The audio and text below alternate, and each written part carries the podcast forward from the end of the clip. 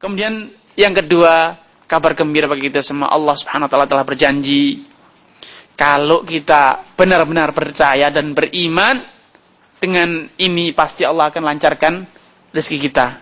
Tolong tolong Pak. Rezeki menjadi lancar.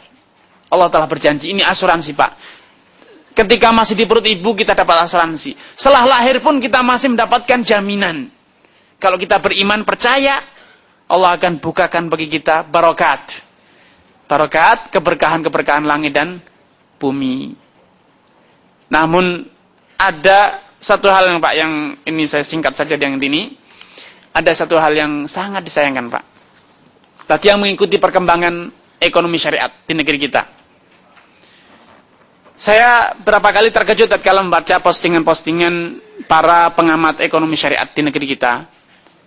Mereka mengatakan bahwa pusat ekonomi Islam atau ekonomi syariat di zaman sekarang itu bukan di Mekah, bukan di Mesir, bukan di Indonesia, bukan di Malaysia, namun di mana, Pak? Di tetangganya, Singapura. Mereka mengatakan pusat keuangan, bisnis keuangan syariat itu ada di mana? Di Singapura. Setelah di Singapura di mana lagi? Negara kedua, Indonesia? Bukan. Adanya di Inggris. Subhanallah. Kok bisa mereka menjadi pusat negara apa namanya pengembangan ekonomi syariat? Itulah yang terjadi. Padahal kita tahu suatu konsep ekonomi syariat tidak mungkin dikatakan syariat kalau tidak percaya dengan ini, Pak. Prinsip yang pertama ini. Kenapa? Orang Nasrani percayanya apa? Percaya rezeki itu urusannya Yesus. Masa itu dikatakan ekonomi syariat? Bahkan mereka sekuler, urusan rezeki adalah urusan saya. Seperti ideologinya Karun. Kenapa itu bisa dikatakan syariat? Tapi itulah fakta kita. Itulah fenomen. Makanya jangan heran Pak. Salah satu pengamat, apa namanya, bukan maaf bukan pengamat, salah satu tokoh yang diandalkan oleh perbankan syariat untuk memasarkan produk-produk perbankan syariat adalah orang yang berkalung salib. Unik Pak ya. Jadi pilar dalam pemasaran itu adalah pilar dunia usaha. Bapak sebagai produsen atau pemasaran atau apa namanya uh, ekspor impor atau yang lain pasti bagian pemasaran itu tulang punggung keberhasilan perusahaan Bapak. Nah, unik tulang punggung pemasaran perbankan syarat adalah yang berkalungkan salib. Itu luar biasa. Itu di negeri kita, negeri serba bisa. Itu negeri kita unik. Dan itu subhanallah, siapa yang memilih mereka? Orang yang selama ini dikatakan sebagai pakar-pakar ekonomi syariat. Subhanallah. Dan itu sepengetahuan para ulama, sepengetahuan MUI dan yang lainnya. Itu sangat unik. Itu bukan bukan rahasia Pak, semua orang tahu. Puasanya salah satu pilar pemasaran perbankan syariat adalah yang berkarung salib. Subhanallah. Percaya atau tidak, tapi itulah fakta. Itulah kenyataan. Memang menyedihkan, Pak. Negeri kita ini kondisinya menyedihkan. Tapi saya optimis. E, ketika saya seminar di PPPT beberapa waktu lalu tentang perbankan syariat. Sampai BI pusat, Pak, mencurigai kita.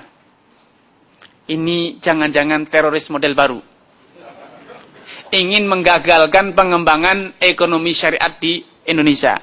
Jangan-jangan tuntutannya nanti tutup saja perbankan syariat. Jangan-jangan seperti itu. Saya pada awal session saya katakan bukan itu yang ingin kita capai. Kita bukanlah para penggunting di dalam lipatan. Kita bukan orangnya itu. Namun kita melalui acara-acara semacam ini ingin menyukseskan program-program yang sudah ada. MUI sudah fatwa. Perbankan konvensional itu haram. Institusinya, lembaganya, dan produknya. Haram. Itu sudah keluar tahun 1991 Masehi. Namun, setelah berjalan 20 tahun, Pak,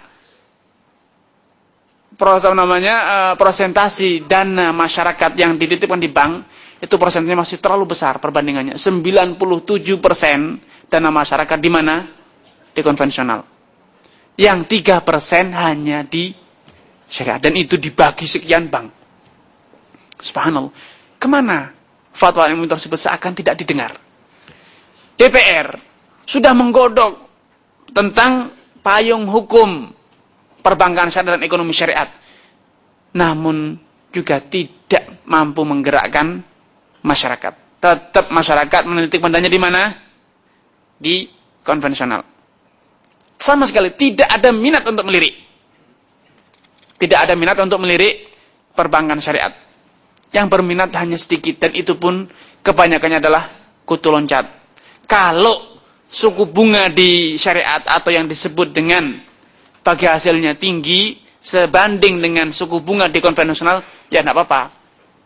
Dapat untung alih-alih dibilang halal.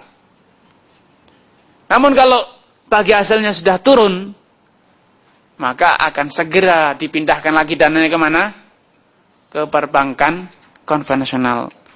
Bapak-bapak yang pernah kerja di perbankan syariat pasti tahu tentang itu. Bagaimana orang-orang muslim kita, para pemilik uang besar, pertama kali datang ke kantor perbankan, langsung bertanya, mau dikasih berapa bagi hasil saya? Usaha saja belum, sudah minta bagi hasil. Inilah pola pikir konvensional. Sehingga pada suatu fase, suatu masa, para pengamat mengkhawatirkan jangan-jangan perbankan syariat yang sudah banyak ini akan mengalami tahap likuidasi tahap kedua. Kenapa? Karena walau hanya 3%, ternyata perbankan syariah tidak mampu menyalurkan dana masyarakat ke dunia usaha.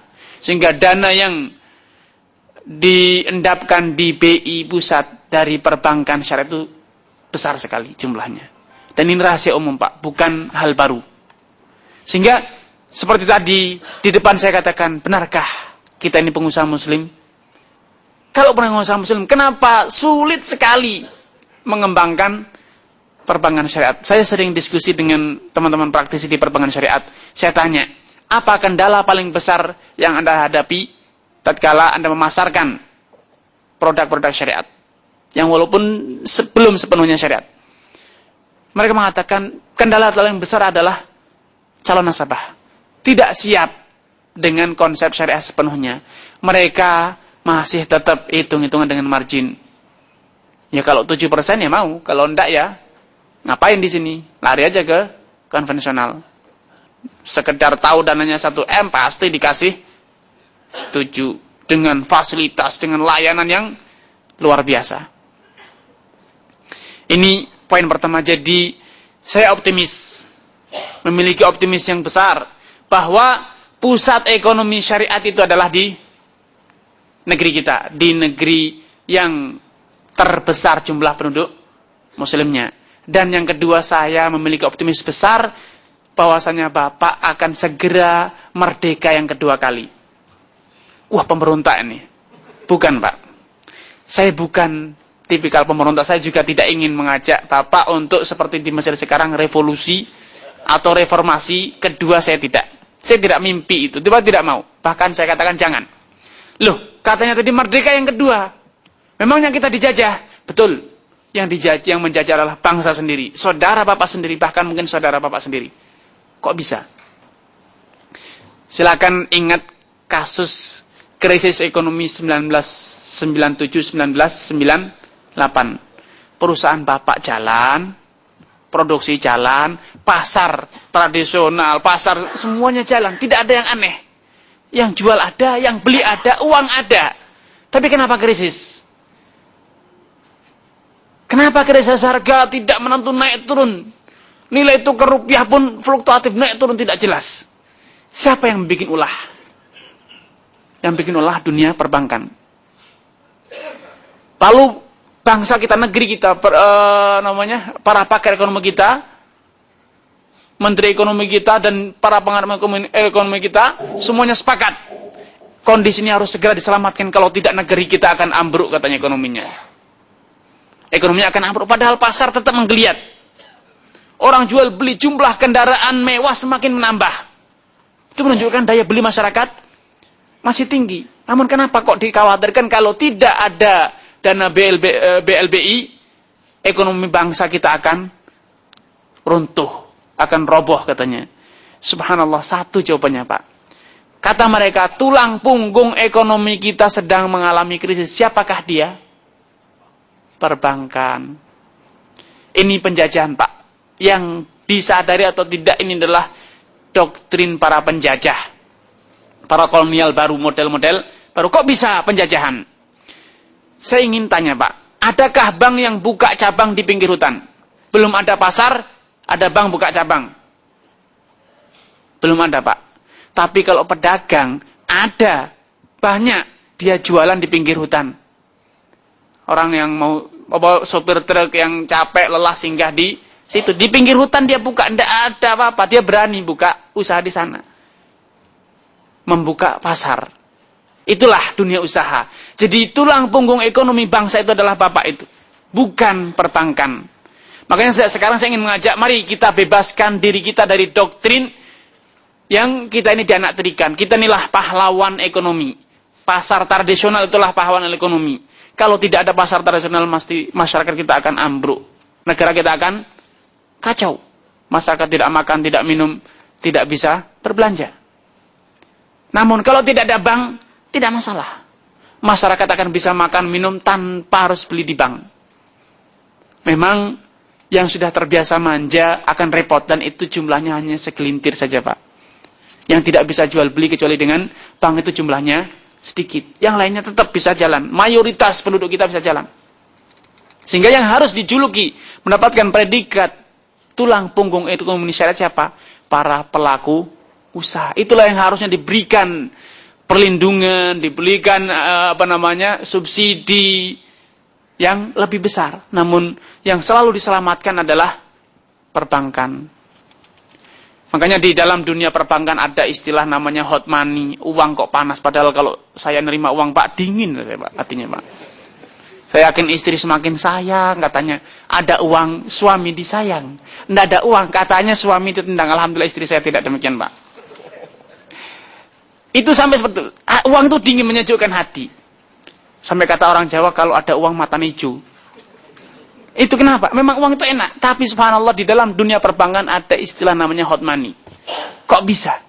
Itulah dunia perbankan. Yang membuat ekonomi kita ini kacau adalah mereka. Bukan bapak dan bukan dunia usaha. Karena saya optimis dengan menerapkan uh, prinsip ini kita akan bisa terbebas dari penjajahan yang kejam ini. Kita pahlawan dibilang pecundang. Kita ini pahlawan malah predikat diberikan kepada para pecundang. Subhanallah na'udzubillah. Mereka lah yang menghancurkan ekonomi dunia. Terbukti krisis ekonomi dunia yang sekarang ini dari mana berasal? Dari dunia perbankan, bukan dari dunia industri, bukan dari dunia perdagangan, bukan dari dunia pertanian atau peternakan. Namun sampai sekarang manusia terus masih mengatakan perbankan adalah tulang punggung ekonomi. Padahal mereka lah yang pertama kali menyengsarakan masyarakat. Dan mereka lah yang menggerogoti ekonomi masyarakat. Subhanallah, na'udzubillah.